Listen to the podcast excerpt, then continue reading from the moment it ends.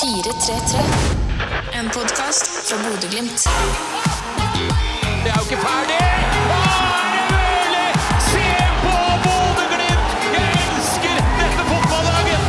Utmerkelsen er total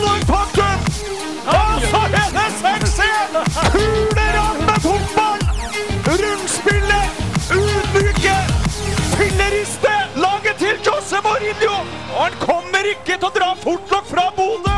Hjertelig velkommen skal du være til 433, Bodø-Glimts helt egne podkast, som alltid i samarbeid med K. Hansen Optikk.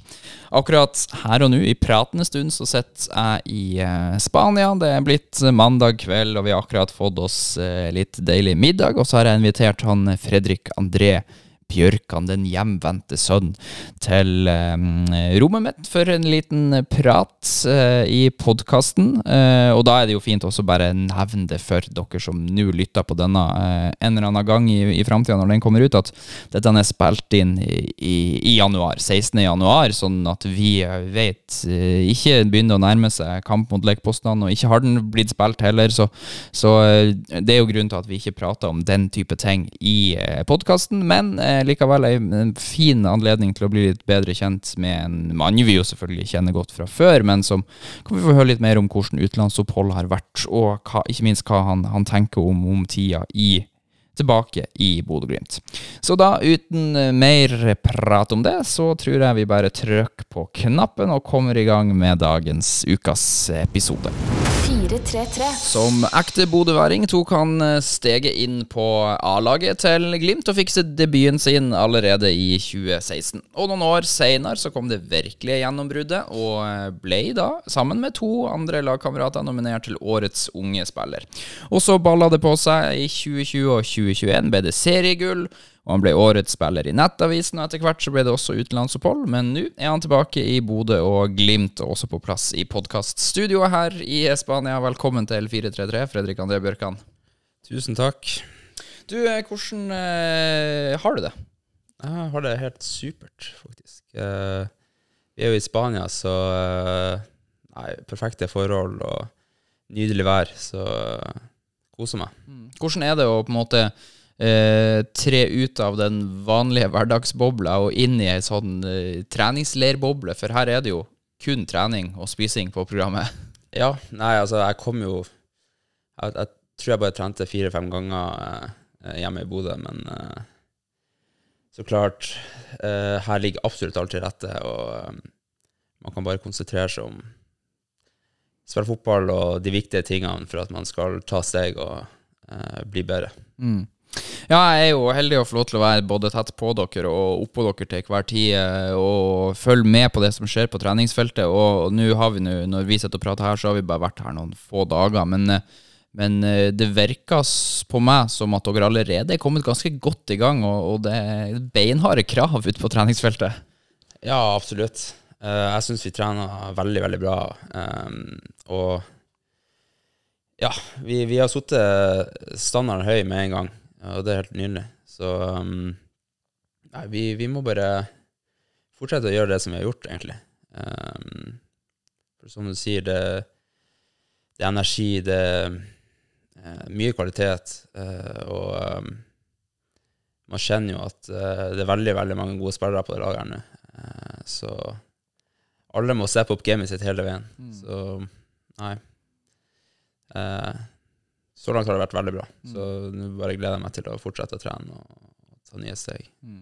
Når du nevner at, at det er mange gode fotballspillere på laget ditt, jeg har fått et lytterspørsmål fra en Twitter-bruker som kaller seg Sammen sterkere, som lurer på dette med konkurransen på backplasser. Det er jo en del gode backer, og på venstresida så har du jo eh, konkurranse med Adam Sørensen og også Lukas Kuber. Hva, hva tenker du om konkurransesituasjonen i, i klubben nå? Nei, altså det er jo um, Altså det er jo sånn det blir i, i eh, når klubber begynner å bli toppklubber. eh, og så jeg syns egentlig det er helt fantastisk å se at uh, Nå sa du jo backplassen, men også alle uh, Alle plassene har jo konkurranse. Uh, og det, det er helt nydelig hvis man skal ta nye steg som klubb hele tida. så det ser jeg bare på som en utfordring, og ikke noe det, den utfordringa tar jeg på strak arm. så Nei, jeg syns det er helt fantastisk, egentlig.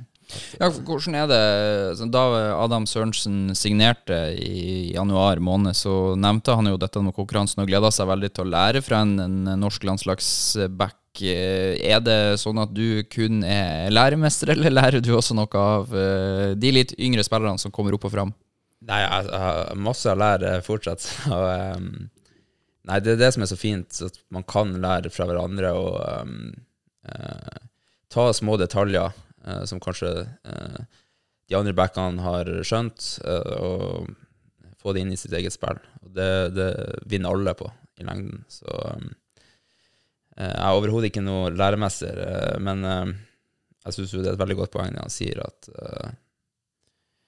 liksom, ja hvis man, hvis man har den innstillinga, så kan man ta veldig store steg veldig fort, tror jeg. Det er sikkert mange som uh, lytter på denne podkasten som er interessert i å uh, vite litt om hvordan han ser ut. Da, for Vi har ikke fått- blitt så godt kjent med han. Ut fra ditt perspektiv som medspiller og også på samme posisjon, hvordan syns du Adam Sørensen har sett ut så langt? Nei, altså, jeg syns han, uh, han også har kommet inn med helt fantastisk en- energi, da, og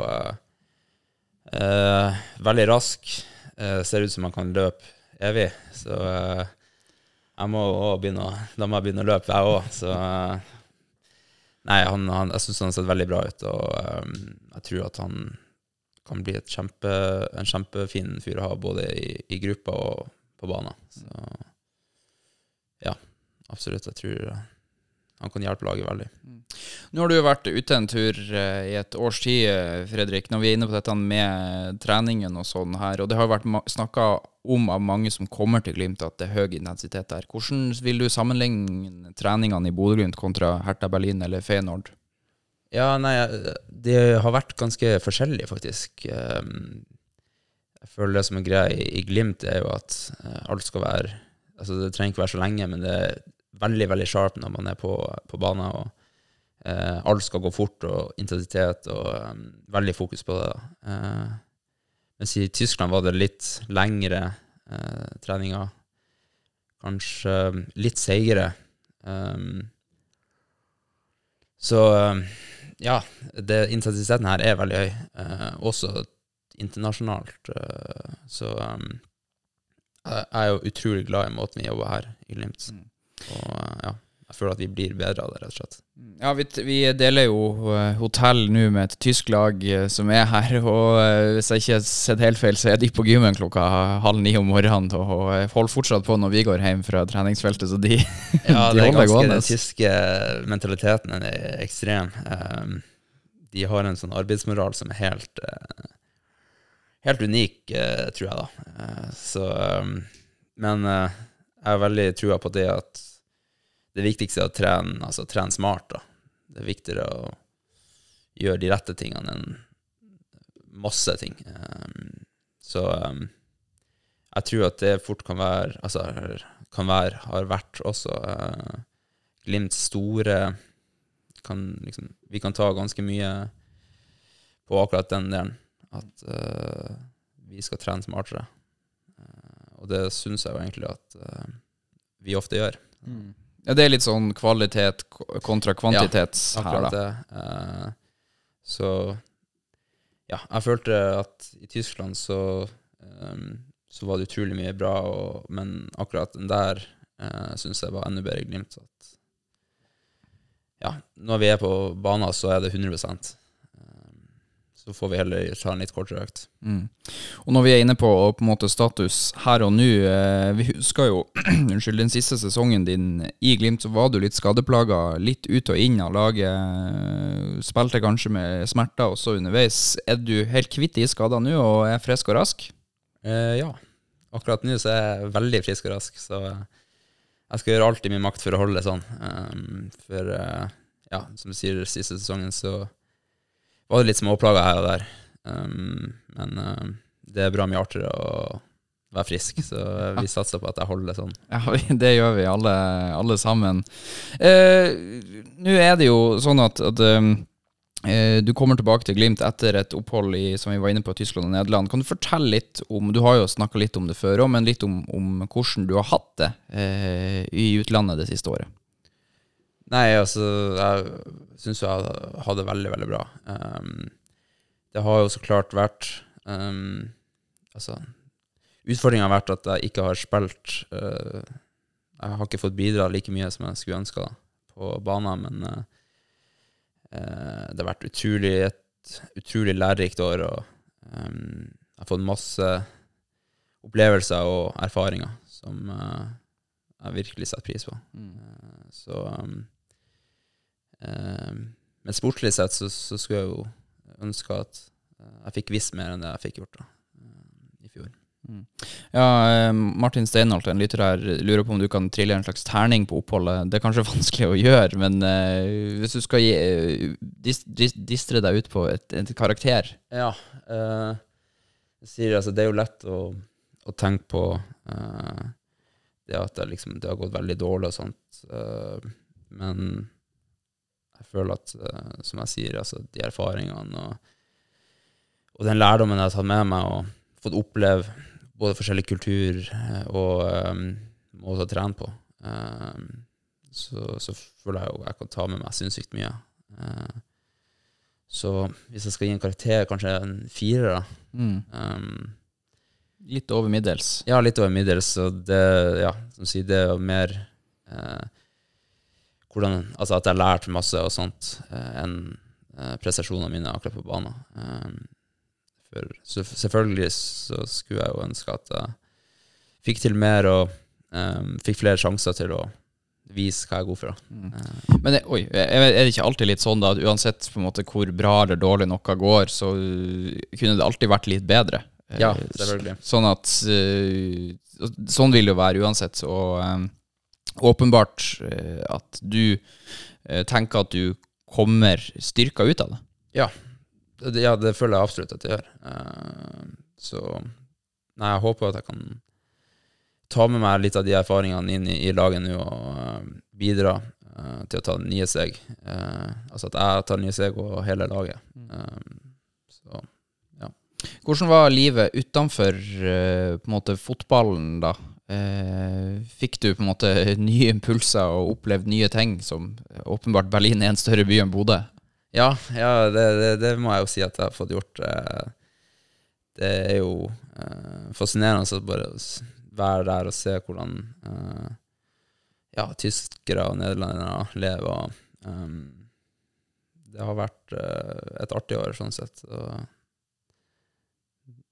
Fikk du på en måte, du fikk smaken på storbylivet? Ja, litt. Eh, du fikk jeg også smake på hvor kaotisk et uh, storbyliv kan være. ja. Og uh, ja, jeg sto i kø noen timer uh, i uka, um, spesielt i Berlin. da, så det er både fordeler og ulemper med alle de tingene. For det var, var, det bil til og fra trening? Det var, ja. Ja, ok. Men jeg har også hørt Jeg husker ikke hvor det var jeg hørte det, om det var i en podkast eller noen som sa det til meg, at i Tyskland så er det litt så Leilighetene i Tyskland eh, er ofte eh, tom når du ja. får deg leilighet. Det var kanskje vi som snakka om det, jeg husker ikke helt. Jo, uh, ja, nei, nesten så jeg ikke vil snakke om det. Det var forbanna irriterende. Men um, ja, jeg skaffa meg Jeg leide en leilighet uten noe. Uh, så jeg måtte ut og kjøpe alle møbler, og kjøkken måtte jeg sette opp sjøl. Uh, det ble litt av en prosess, uh, så nei. Det, det, anbefaler jeg ikke. Det, akkurat den delen var litt frustrerende. må jeg si. hvordan, er, hvordan er Fredrik André Bjørkan på å skru kjøkken? Ja, det var nei, svært, svært dårlig. Det var en um, Ja, jeg fikk noen til å fikse kjøkkenet, det kan jeg si. Men um, jeg fikk jo skutt et par møbler opp sjøl, uh, men det ble bare sånn halvveis. ja, for du, du, eh, du, er jo en eh, Kan jeg si litt, en litt distré type? Jeg ja, tror deg ikke på tærne hvis jeg sier det. Kanskje, ja, kan vel kanskje gå i den kategorien. Litt distré. Uh, nei, men det var også har jo Jeg føler jeg har vokst uh, på det, og ja, man bor jo Man får jo litt mer Man må klare seg litt mer sjøl. Så um, der òg føler jeg at jeg har vokst uh, en god del både det her året. Og så det er jo ikke bare bare å bli kvitt den distraheten med en gang. Så. Han, eh, Patrick eh, Berg var gjest i Studio Glimt i fjor sommer, eh, før vi visste at han skulle komme tilbake til Bodø. Eh, og det var litt snakk om dette med at man, han og Håkon Evjen og Jens Petter Haug hadde en liten sånn avtale om at en dag så skal alle tilbake til Glimt.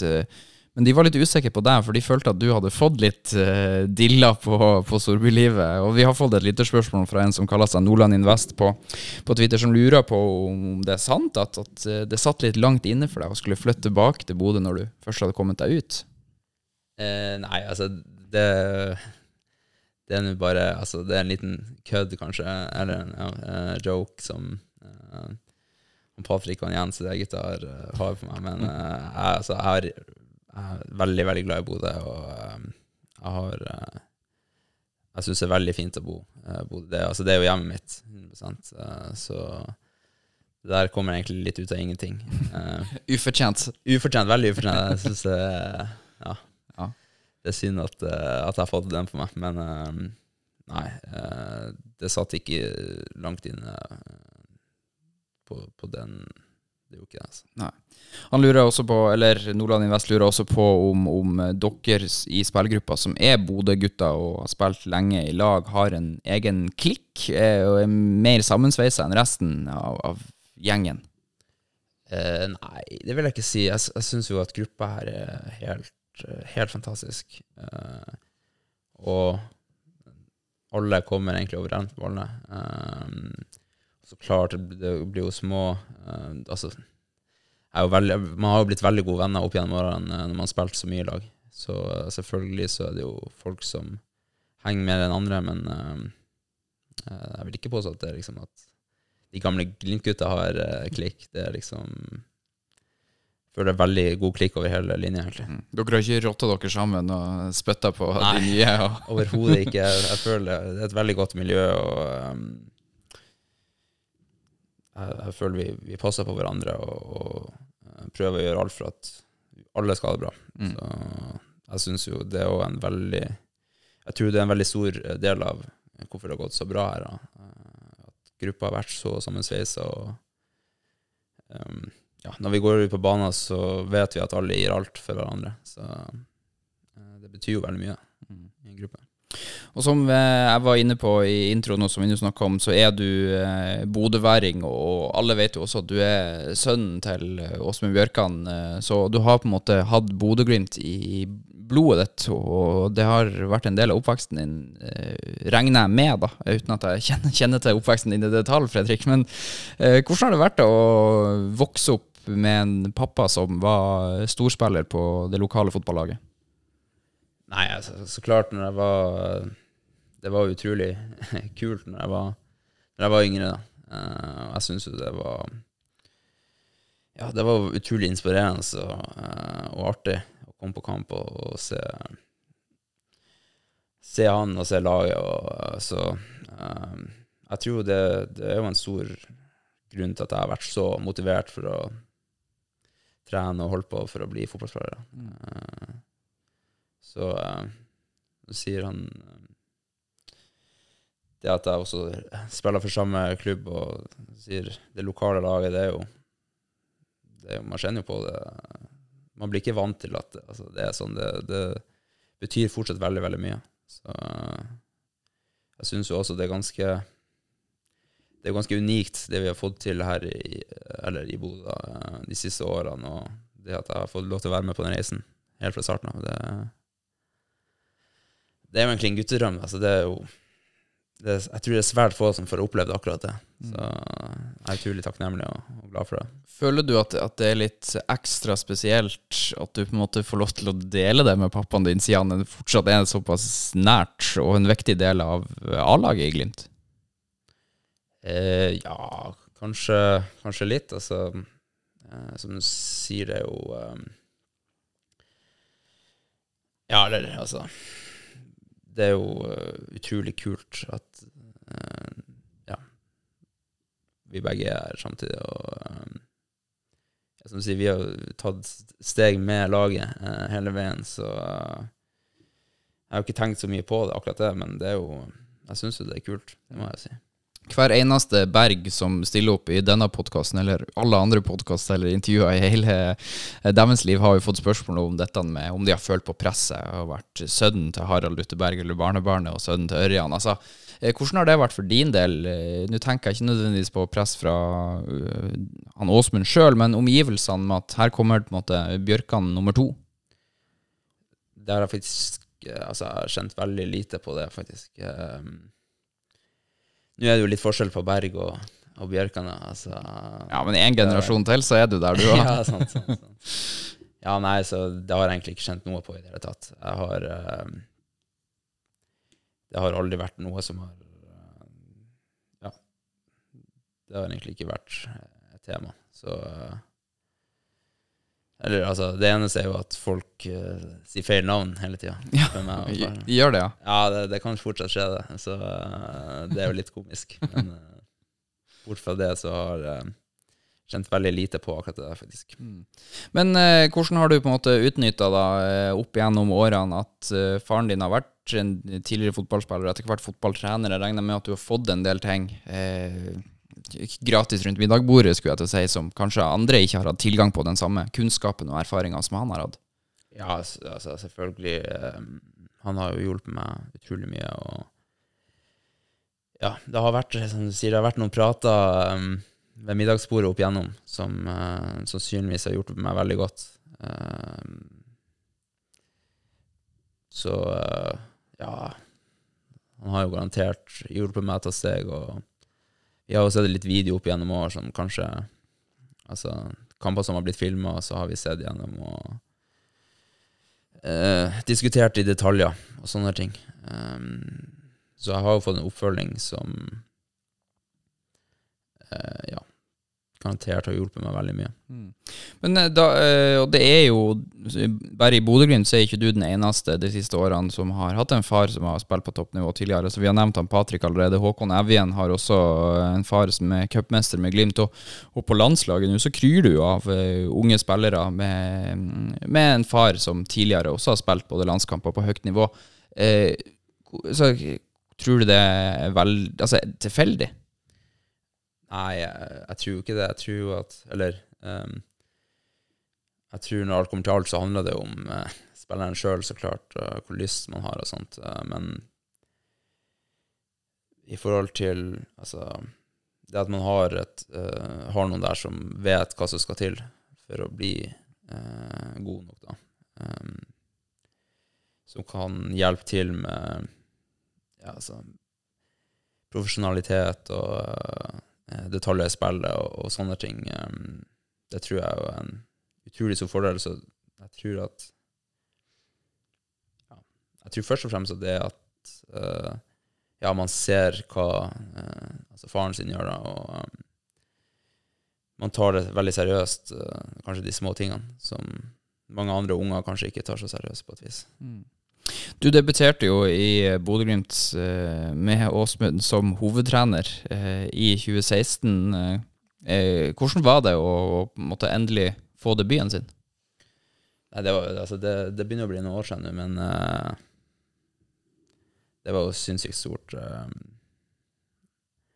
jeg anså anså meg aldri liksom som noe sånn um, sinnssykt stort talent, på en måte. Eh, så når jeg fikk Når jeg kom opp dit, og eh, jeg fikk den sjansen, så var det jo Ja, det var utrolig stort, rett og slett. Ja, vi kan jo si at du har på en måte grepet den sjansen med begge hendene, med liksom fasit i hand. Eh, som jeg også var inne på i stad, så tok det jo litt tid før du på en måte virkelig fikk det store gjennombruddet. Og det, men det var jo likevel, altså i 2017 i Obos-ligaen og 2018, så var det jo jevnt med kamper. Eh, Sjøl om du ikke spilte alt. Ja, ja, jeg var ganske mye med fra, fra den 2016-sesongen. Um, så uh, Ja, nei, det, det klaffa Jeg trengte, trengte litt tid på meg for at ting begynte å klaffe, og uh, var nok litt Var nok litt både uryddig og um, um, Ja, jeg var litt kanskje nervøs i spillet de første par årene. Så jeg er utrolig uh, takknemlig for at jeg, altså, jeg fikk de mulighetene jeg fikk, og etter hvert vokste på det. Og de siste årene har jo vært veldig fine. Så uh, Ja, Selv om det ikke sikkert føltes sånn der og da, men det at eh, Glimt rykka ned i den første sesongen din, og at uh, man spilte på et nivå under i 2017, uh, tror du det har vært positivt for måte, din og kanskje andre av eh, Når vi nevner Jens Petter og Håkon Evjen og Patrick Berg eh, som eksempler, utviklinga til dere? ja, det er jo Ja. Jeg vil jo egentlig tro at det har vært en, en liten fordel. Eh, det sies at det var jo egentlig ingen av oss, eller han Jens, eh, spilte veldig mye det året. Men både meg, Håkon og Patrick tror jeg var eh, Først og fremst kom inn eh, fra benken, da. Så eh, det var jo først i 2019 at vi ordentlig slo igjennom. Mm.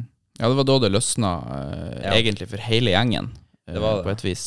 Um, det var en del ting som skjedde den vinteren her, eh, som er vanskelig å sette ord på, men uh, når vi kom tilbake etter pausen, så var vi plutselig et veldig godt fotballag. Så um, Men det skjer jo Du sier at det er vanskelig å sette ord på, men det skjer jo ikke ved et fingerknips. Ikke Nei, selvfølgelig. Hva er det som vet, Klarer du å på en måte prøve å forklare hva det er som har skjedd? så som jeg husker det, så jeg følte at uh, denne 2018-sesongen um, så hadde vi veldig Altså, vi hadde et veldig bra grunnspill, men vi bare vi klarte Det var de små detaljene som gjorde at vi liksom Vi klarte ikke å vippe kamper i vår favør. Jeg tror vi hadde ny rekord i uavgjort eller sånt. Mm. Det der. Uh, så jeg tror helt siden vi som kanskje sier rykka ned, um, så hadde vi en Ja, vi hadde en, en klar plan, og vi hadde en um, Vi jobba veldig, veldig bra over tid. Uh, og jeg tror det var det som til slutt ga så stor gevinst som det gjorde. Eh, så jeg, jeg tror at det starta kanskje i, i 2017. Mm. Eh, Men sjøl også i 2016-sesongen, sjøl om det på en måte ble en litt sånn mørk høst, og, og eh, en del resultater som gikk imot, og man fikk ikke helt til alt det man prøvde på, så var det jo periodevis periodvis ganske bra, særlig i starten av sesongen det året, så kanskje man så konturene allerede da?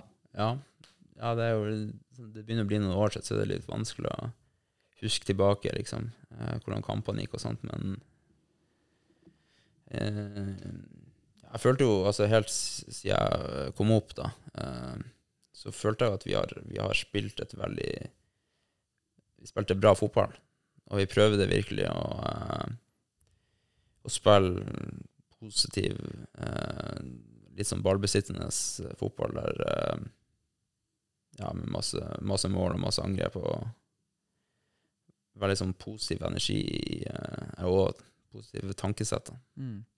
Har du alltid drømt om å spille for Bodø-Glimt? Det har jeg alltid gjort. Nei, jeg, har også jeg med Det gjør jeg jo alltid når jeg driver research-episodene. Så tar jeg kontakt med folk jeg vet kjenner deg godt. Og jeg, jeg hører at du også har drømt om å spille for Stabæk, stemmer det? Wow. Eh, ja, her er det jo gravd ganske godt, faktisk. Ja, det, det Det var vel når jeg var sånn seks år eller noe sånt. Da var det min store drøm å spille for Stabæk eh, i et par måneder. Jeg, jeg tror de slo Rosenborg, som da var liksom det beste laget i Norge. Og da ble jeg og en kompis hekta. Så heldigvis gikk det veldig fort over. Så Du ble rett og slett Stabæk-frelst av én kamp. Jeg så en kamp, og da var jeg hekta. Eh, men eh, heldigvis så, så jeg et par andre Glimt-kamper etterpå som eh, fikk meg til å endre meningen. Ja, det høres veldig bra ut. Men, men det vil si at du helt siden du var en bitte liten gutt, har drømt om å spille fotball. Og eh, har du på en måte eh, Jeg skjønner at når du, man blir litt eldre, så begynner man å satse litt sånn, men husker du fra da du var veldig liten at du har jobba for å bli fotballspiller, eller har det kommet litt naturlig for deg? Ja, nei, jeg, jeg tror ikke altså, Jeg har ikke jobba for å bli fotballspiller. Det har, jeg- har jeg på ingen måte gjort. Um, men uh, jeg tror det jeg gjorde ganske rett Altså, når jeg var liten, altså, jeg jo fotball og spilte og kosa meg. Uh, men når jeg ble litt eldre også, så um, Jeg føler det jeg kanskje gjorde rett i forhold til mange andre, var at jeg, jeg spilte ikke sånn Jeg var ikke ute på, på Løkka i åtte timer, liksom. Uh, men jeg var det i to timer, og så når jeg var der, så var jeg full Full trøkk hele Ja, veien. du kjørte liksom. Sånn Kjetil Knutsen-stil allerede ja, da? eh, litt. Jeg tror kanskje det er det som egentlig har um, Jeg tror jeg har vunnet veldig mye på det. Mm. At uh, Blitt veldig sånn eksplosiv i måten jeg uh, spilte fotball på. Eh, så det kan jo hende at det er helt feil, eh, men eh, sånn som jeg ser tilbake på det, så, så følte jeg at det ga meg en, en fordel. Mm. Og når vi snakka om det vi var inne på i stad, om på utviklinga til både deg og, og klubben, så skjer det jo også noe annet i 2017 som har betydd mye for Glimt. Når Kjetil Knutsen kommer inn, eh, hvordan har det vært for deg å, å spille under han, og hva har han betydd for, for din utvikling og fotballkarriere? Nei, han har betydd utrolig mye. Det um, Ja, det må jeg si. Også, ja, jeg syns han er en fantastisk trener, og Ja, han er utrolig flink og Som jeg sikkert har sagt noen ganger, se detaljer og uh, vise og liksom uttrykke hva, hva han vil. og um, Nei, det har vært utrolig enkelt å ta steg under han, rett og slett. Eh, så, altså, så klart både for meg og for klubben så har han vært eh, helt Helt utrolig. Mm. Så um, Men er det sånn, når du sier at han er god til å se detaljer, er det sånn at uh, du på en måte kan bli tatt på senga av tilbakemeldingene hans, at det er ting du sjøl ikke engang var klar over at du verken var god på eller dårlig på, eller ja, det har nok skjedd Uh, altså at Nå tenker jo egentlig hele trenerteamet da eh, Plutselig kan komme noe som er bare sånn Oi, det har jeg aldri tenkt på, liksom. Og Mm. det var utrolig smart.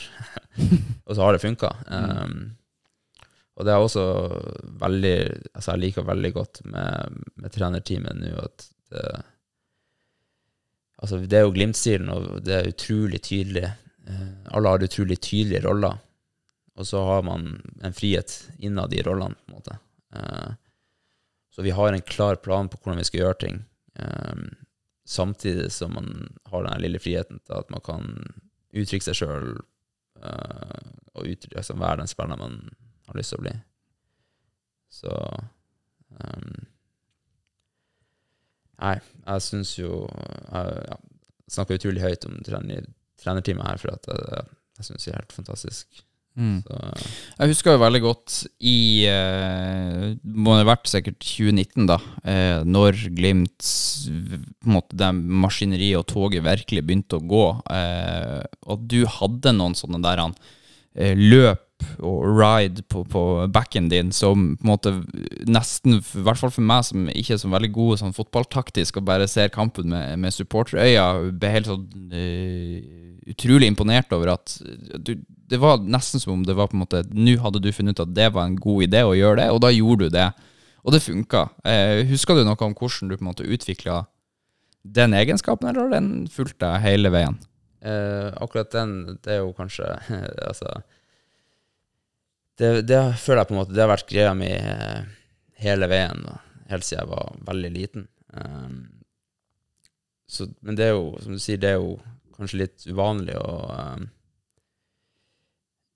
Der må jeg også igjen takke sånn, sånn Kjetil og, og sånn for at uh, Som sagt, de ga meg lov til å til å gjøre de tingene. Og sånn, så det er jo ikke bare bare altså, å drive begynne å drible på egen 16-meter, liksom. Eh, Det er mange trenere som hadde sagt eh, nei til det, liksom. Mm. Eh, Men de lot meg gjøre det, og da etter hvert så uh, videreutvikla jeg den litt. Og uh, ja, det er jo på en måte litt signaturmovet mitt nå, så eh, Men det har jo, der når vi er inne på dette med å se detaljer, sånn, så ligger det kanskje en del eh, detaljer som vi som sitter på tribunen ikke tenker over, med timing og når skal du gjøre det, når skal du ikke gjøre det. og hvis han er ledig, så sentrer du dit sjøl om du Altså, eh, hvordan hva, hva tenker du før du setter av gårde på et sånn løp?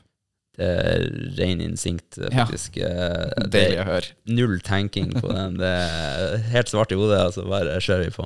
Ja, ja, nei, det, det akkurat den der, som sagt Det, um, det er liksom Akkurat den der føler jeg at jeg har hatt hele veien, og um, uh,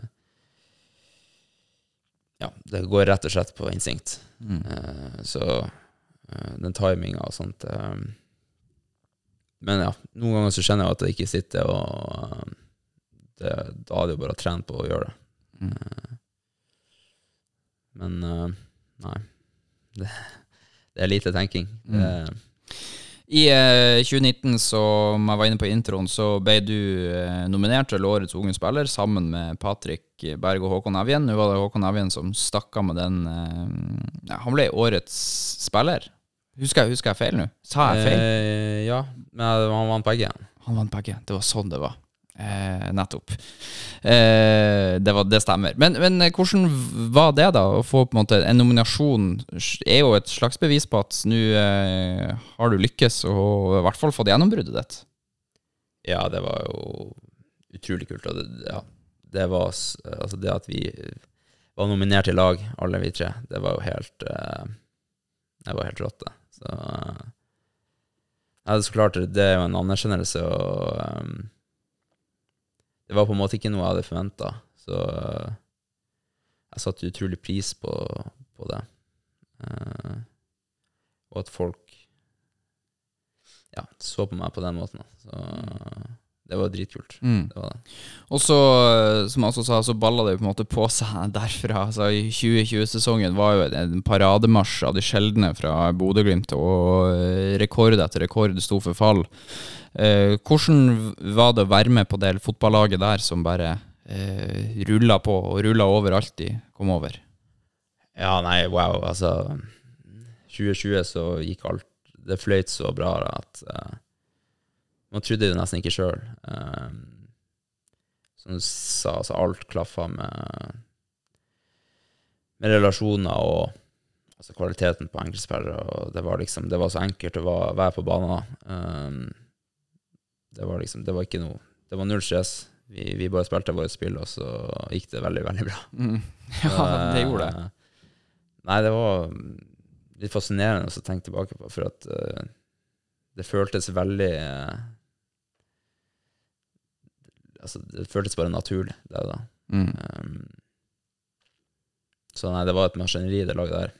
Ja, det var, det var det. Og så får dere til slutt eh, velfortjent, og endelig så blir dere seriemestere. Og, og eh, for deg så er jo det litt spesielt også, siden du på en måte blir seriemester med barndomsklubben og, og den lokale fotballklubben som i alle år har vært et jojo-lag og aldri på en måte fått det til. Eh, klarer du å, å sette litt ord på, på en måte hvordan det opplevdes? Som du sier, altså Jeg har jo vokst opp med at eh, altså, det å vinne seriegull ble egentlig ikke sett på som mulig eh, før da. Eh, altså, vi var i Obo, altså, Obos, og vi var i Det var et jojo-lag. Eh, så nei, det at jeg Altså, det er vanskelig å finne noen ord på hvordan det var, men eh, man satt jo egentlig der litt og ikke Man klarte liksom egentlig ikke helt å ta inn for seg hva, eh, hvor kult det var der og da. Mm. Men altså når man så på hvor mye det betydde for folk eh, i Bodø og sånt, eh, så ble man jo Man ble jo rørt, da. Mm. Ja, så er det jo en veldig spesiell sesong med tanke på at uh, vi var med til en pandemi, og ikke var det folk på tribunene heller. Sånn at uh, man fikk på en måte egentlig aldri den der folkefesten 2020 kunne og burde ha blitt, og ikke minst dere hadde fortjent at det, at det var 8000 på Aspmyra i hver kamp den sesongen. Uh, Men likevel, du fikk fortsatt en følelse av at dette betydde mye for folk. Ja. Altså når jeg var ute og, og gikk, og så kom jo alle og kom det veldig mange fine kommentarer da. Og, uh, uh, bare et eksempel når vi, når vi vant seriegull og, og vi kjørte gjennom gatene i Bodø. Eh, da var det veldig mange folk som møtte opp og sto med flagg og ved veien, så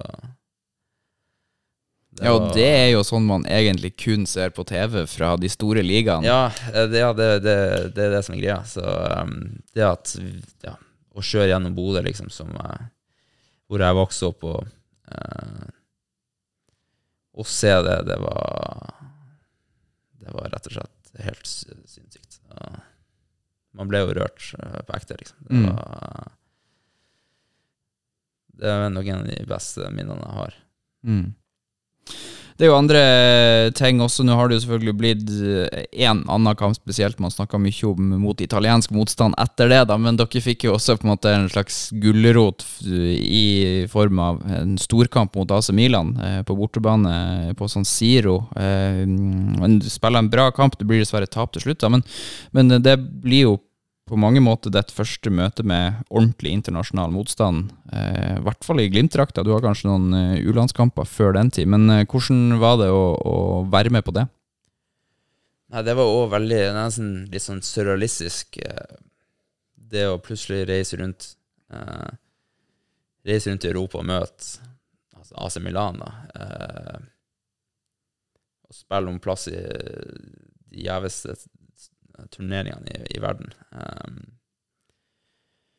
så man måtte jo klype seg litt i armene, rett og slett. Um, men det som egentlig var enda kulere, var at vi, vi gjorde det, og vi, vi følte at vi var helt på høyde med topp uh, internasjonale lag.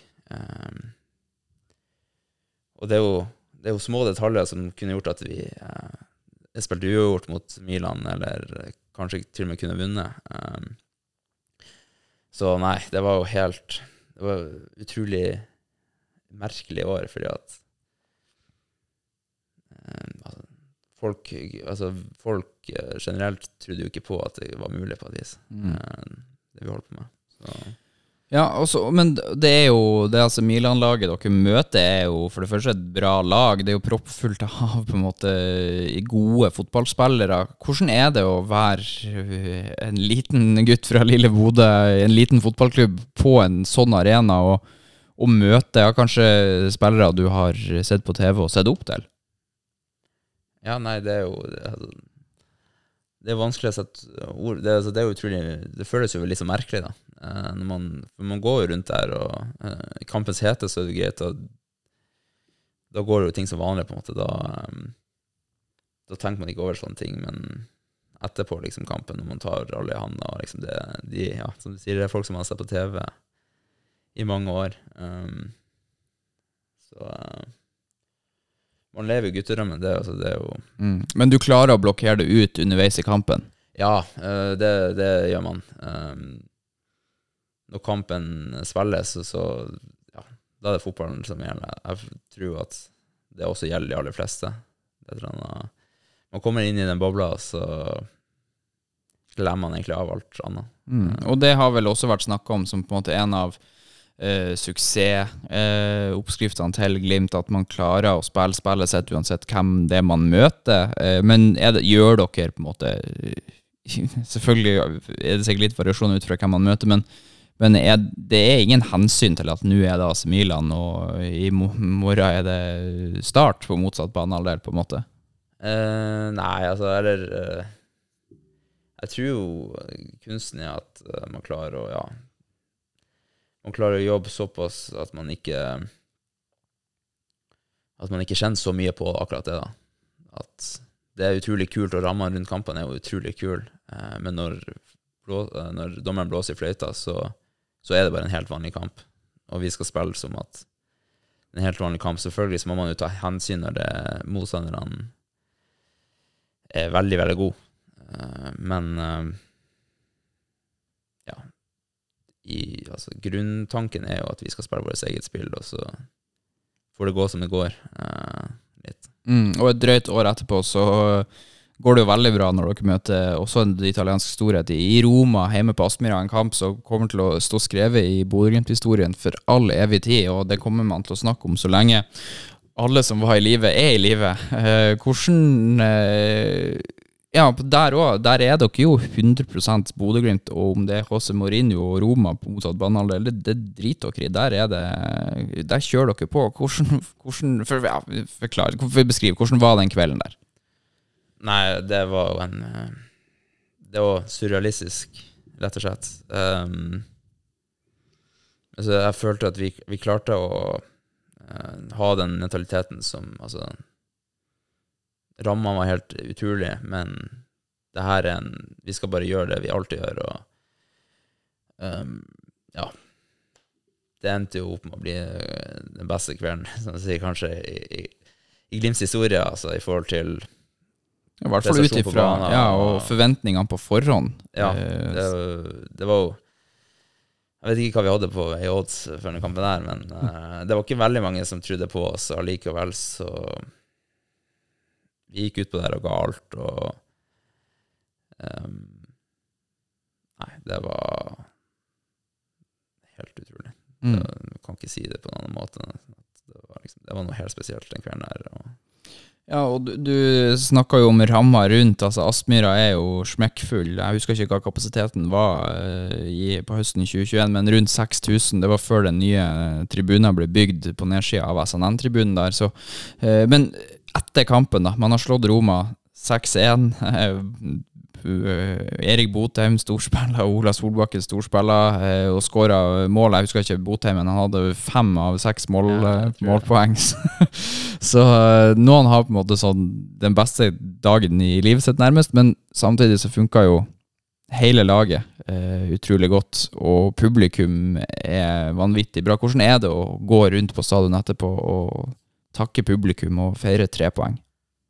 Nei, det, altså, man må nesten uh, Jeg tror nesten det, altså, det ble jo nesten litt komisk. eh, Altså, det føltes jo helt merkelig ut. Altså, uh, man måtte nesten le litt over hvor utrolig sykt det, det var. Uh, Ja, for hva tenker du f.eks. når ball nummer fire går i nettet, og ball nummer fem og seks? jeg tror, ja, jeg tror, jeg tror femtemålet der eh, Et av de morgenene, siste morgenene her, så, så, så blir jeg bare helt sånn Hva i alle dager er som skjer? Jeg går litt rundt i sånn drømmen nå. Det er Ja. litt sånn Um, Nei, det var Den kvelden der kommer jeg ikke til å glemme. Uh, det er kanskje det siste jeg kommer til å huske når jeg eh, ligger på uh, sykehjemmet. Ja, vi er, vi er, vi er flere som, som kjenner på det. Ja, det, Det var eh, en opplevelse for livet. Eh, den kampen, men også og hele 2021-sesongen, sjøl om man der starta og har Eller starten er bra, men så er det en periode på sommeren som er litt trå. Eh, Ryker bl.a. ut i Champions League-kvalifiseringa. Fikk ikke du rødt kort i den kampen? Husker jeg rett Nei, jeg, Eller hva skada du jeg, deg? var, jeg endte opp med Jeg fikk strekk den, Ja, den første skadet kampen. Sånn var det. Eh, ja. Hvem var det som fikk rødt kort? Fikk vi rødt kort? Eh, mulig jeg ja, surra. Mulig at vi fikk rødt kort. Jeg skal ikke si noe. Jeg husker faktisk ikke, jeg heller. Men uansett, der fikk du skaden din, som vi var inne på, og, og plagdes litt med den, og, det fløyt ikke så godt. Men så eh, løsna det bare fullstendig på høsten, og dere blir seriemestere i, i siste serierunde. Hvis du skal arrangere de to seriegullene, selv om det er kanskje litt slemt å be deg om å gjøre det, eh, rekordsesongen eller på en måte 2021, der dere beviser at jo da, vi mener alvor med det her? Ja, øff, den, den er litt vanskelig, den her. Um, jeg, føler at de er veldig forskjellige. Uh, veldig forskjellige år, og um, vi sleit. Sånn si, vi, hadde mye, vi hadde mye mer skadetrøbbel. Vi hadde mye um, Vi hadde perioder som ikke der ting ikke fløt så godt. Og, um, så jeg vil jo nesten si at sånn eh, 21-sesongen måtte vi virkelig slite for det, og, og eh, den følelsen man satt igjen med etterpå, var kanskje enda eh, På en måte enda bedre. At eh, den prestasjonen og liksom sånn at alt fløy til 2020, og uh, at vi klarte å gjenskape mye i 2021, uh, ta nye steg på noen ting, og så og snu de vonde periodene til gode igjen. Um, gjør at jeg kanskje setter den 2021-sesongen enda hakket høyere enn Mm. 20-sesongen. Kan man si at 2020 er på en måte den beste fotballprestasjonen, og så er 2021 mer en sånn mental, eh, sterk prestasjon der dere på en måte må helt ned i kjelleren og grave og få fram det beste i dere? Ja, det, ja. for det var egentlig en veldig fin uh, måte å si det på. Um, det var, ja Absolutt. Mm. Og den høsten der òg, så skjer det jo ting utenfor banen for din del som eh, Jeg vet ikke om ikke det påvirker deg, men kontrakten din er i ferd med å gå ut, og det begynner å snakkes om skal du signere ny kontrakt, skal du ut i utlandet. Og jeg husker ikke hvor tidlig, men det var noen runder før serieslutt at vi fikk vite at du skulle til, til Hertha Berlin. Fortell litt om hvordan den høsten var sånn, med tanke på fremtida di. Uh, nei, altså, egentlig så følte jeg at um, jeg klarte å, å luke det ganske godt, uh, mye bort. Og um, ja, når jeg ser tilbake på det, så, så er jeg veldig fornøyd med måten jeg løser på. Uh, fokuset mitt var hele veien å, å pressere best mulig for Glimt. Og så fikk jeg ta liksom eh, de der tingene etterpå. Det var tankegangen min hele veien. Og grunnen til at jeg endte opp med å, å signere når jeg gjorde og sånt, var fordi at jeg slet med en skade. da. Mm. Så jeg endte opp med å være ute noen kamper, og da Ja. Det var da jeg liksom satte meg ned og tok et valg da, i forhold til klubber, altså Herta, og jeg gikk for det. Mm. Vi kommer tilbake til litt hvorfor det ble Herta, men uh, vi kan jo bare dra kjapt innom Mjøndalen siste serierunde i 2021. Eh, dere må vinne for å bli seriemester, uh, gitt at Molde også vinner, som de jo da endte opp med å gjøre. Dere får to veldig kjappe mål, og så kommer du og setter på en måte krona på verket på både sesongen 2021, seriegullet og også de ti i Glimt. Hvordan var det å, å skåre mål i den siste kampen for Bodø-Glimt og, og bli seriemester? For en avslutning. Ja, det var, det var utrolig Det var også utrolig deilig å um, eh, Ja, jeg vet ikke Altså, du, man ser hvor mye det betydde for meg. Mm. For det betydde utrolig mye, og um, Ja, kampen var egentlig avblåst og sånt, men Ja. Nei, det, det var virkelig et øyeblikk som jeg setter utrolig høyt. Uh, fordi at jeg kjente virkelig på det at eh, det, altså, at det, det var tungt å, å dra. Um, og, men også liksom hvor, hvor langt vi har kommet. Da, og ja, nei eh, Det var virkelig et fint øyeblikk. Og så var det på bortebane i Mjøndalen, men det kunne like så godt ha vært i Bodø. For det, var, for det første var det iskaldt.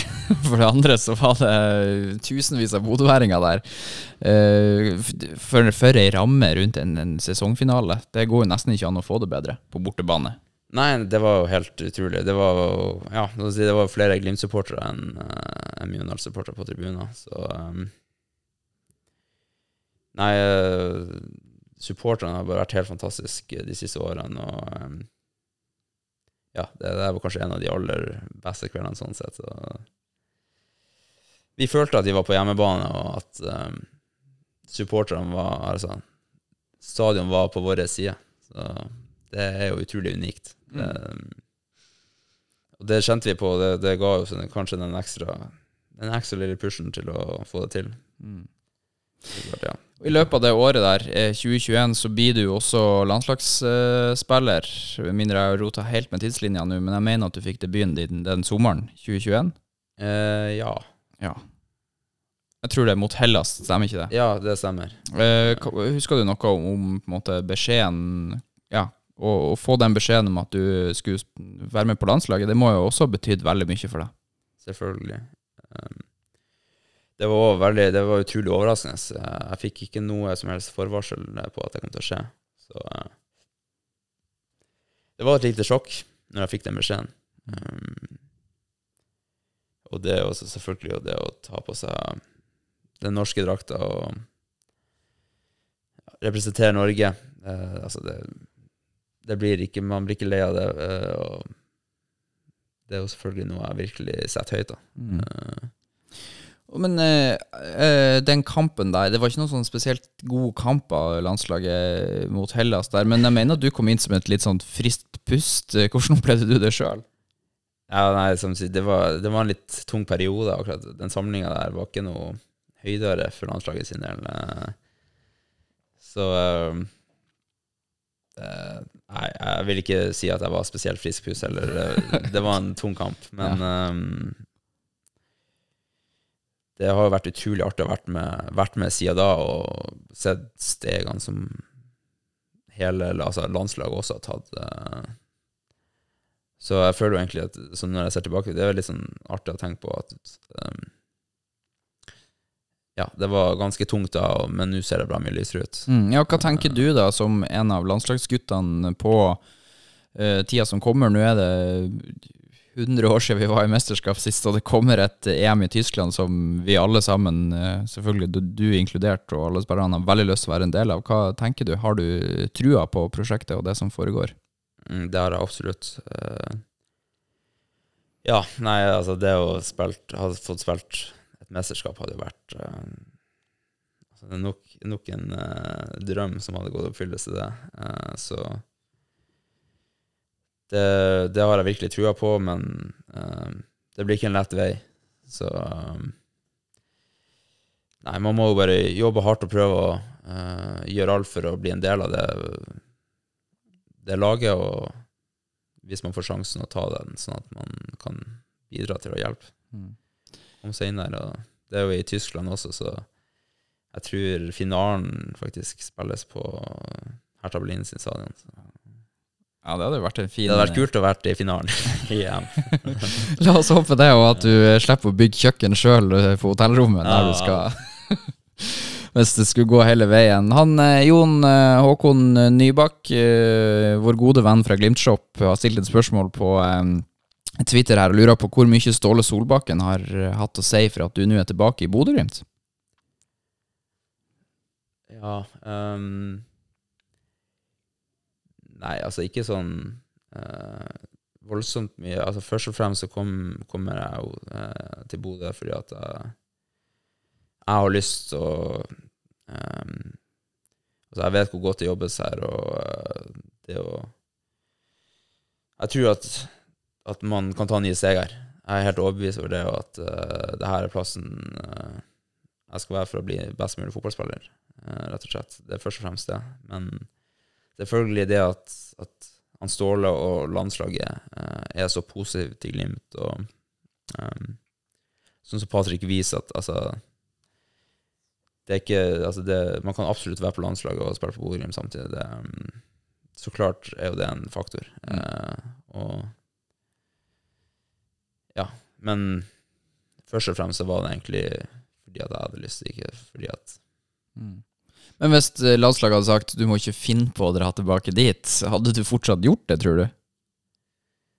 Uh, altså Det er jo så klart eh, mye spekulering. Dårlig gjort men, å spørre, kanskje. ja, men det, det tror jeg faktisk Altså, det det, det er jo litt vanskelig eh, å svare på, men Ja, du skal slippe å svare på det. Fredrik, vi kan heller gå inn på noe som uh, informanten min vil at jeg skal spørre deg om. Han, han har bare to stikkord, og så sier han han skjønner resten sjøl. Det ene stikkordet er Tequila, det andre er God bless. Oi, ja. Nei, ja, jeg skal ikke Jeg tror ikke vi trenger å gå inn på det der. Nei, men det var en fin ferietur, bare, uh, i vinter. Ok. Så uh, er ikke noe mer hokus pokus enn det. Altså. Det ok. Du hadde det gøy på ferie, med andre ord? Jeg det var veldig gøy på ferie. Um, men uh, ja. Nei, det var, det var en fin ferie. Det var, ikke- det var en rolig ferie, da. Ja, det er bra. Du, vi begynner å nærme oss uh, tida her nå, men jeg har noen lytterspørsmål som vi ikke har vært inne på. Og eh, Sammen Sterkere lurer også på eh, hvem som eh, er den dårligste taperen i spillergruppa, f.eks. i fotballtennis. Her har du muligheten til å henge ut noen lagkamerater. Uh, tennis Nå må jeg Kan ikke svare feil på det her. Nei, det er klart. Eh,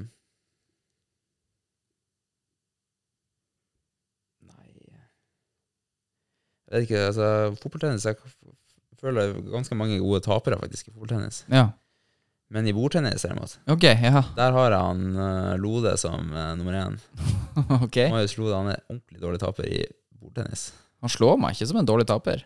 Nei, han, han er jo egentlig ganske jovial og fin type, men uh, jeg vet ikke. Når han taper mot han Patrick Berg i bordtennis Det, det skjer hele tida. Så eh, da, da er han ikke særlig fornøyd. Men Er det banning og kasting av racket, eller er det unnskyldninger? Hva, er, hva går det ut på? Ja, mye unnskyldninger for Ja. det. Er det det går i. Um, sprekk i ballen og dårlig underlag og den type ting. Ja, ja. uh, flere spørsmål her. Eh, Martin Sleipnes lurer på hva kjøper du på, altså på butikken når du virkelig skal kose deg. Så slenger han med at han går for kanelboller eller sjokoladepudding og vaniljesaus sjøl. Ja. ja det er fine Det er godt med gjærbakst, da. Ja, det, jeg, jeg har faktisk eh, Jeg kan ikke spise gluten. Så jeg- ja.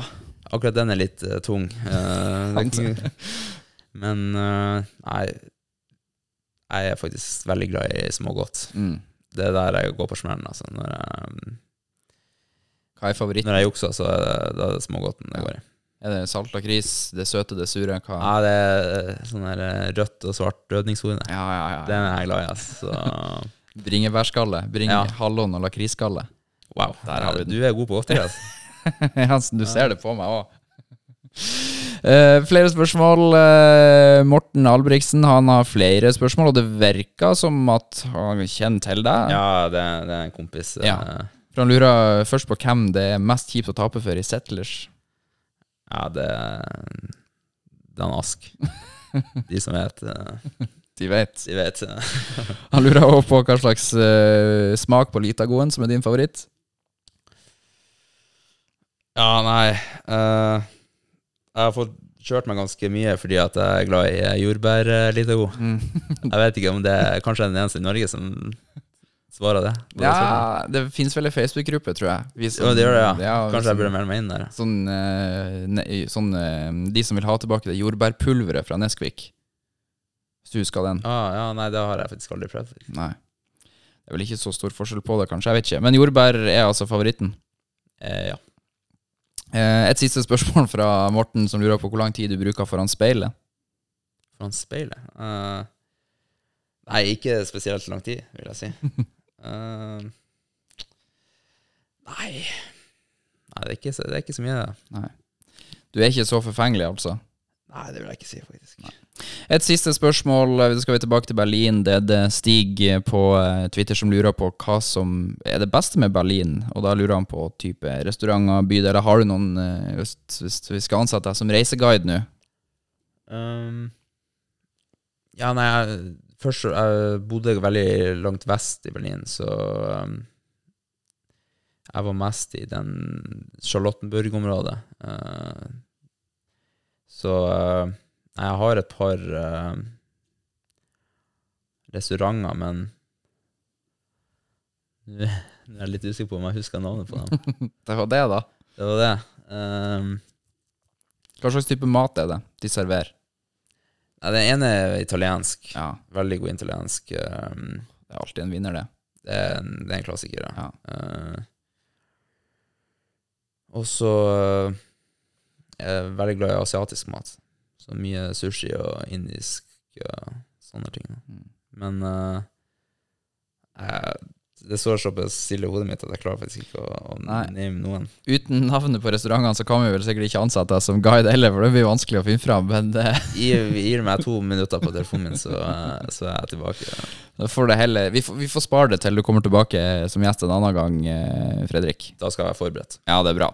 Du, eh, tusen hjertelig takk for at du tok deg tida til å eh, stille opp som gjest i podkast. Det er veldig, veldig hyggelig å, å være her. Fredrik André Bjørkan, eh, trivelig besøk eh, i podkasten. Jeg håper dere som har eh, lytta til, også synes det. Jeg kan bare nevne kjapt, vi var innom kampen mot Legia Warszawa her, og det røde kortet som jeg var inne på. Det var, ble et rødt kort til Glimt i den kampen. Morten Konradsen var det som eh, fikk et rødt kort eh, i den kampen. Så da eh, er vi i hvert fall on track på det. Uansett, jeg takker så mye for følget denne gangen, og så håper jeg at vi høres igjen når vi er tilbake igjen allerede neste uke med en ny gjest. Enn så lenge, ha det godt på gjenhør, og heia Glimt!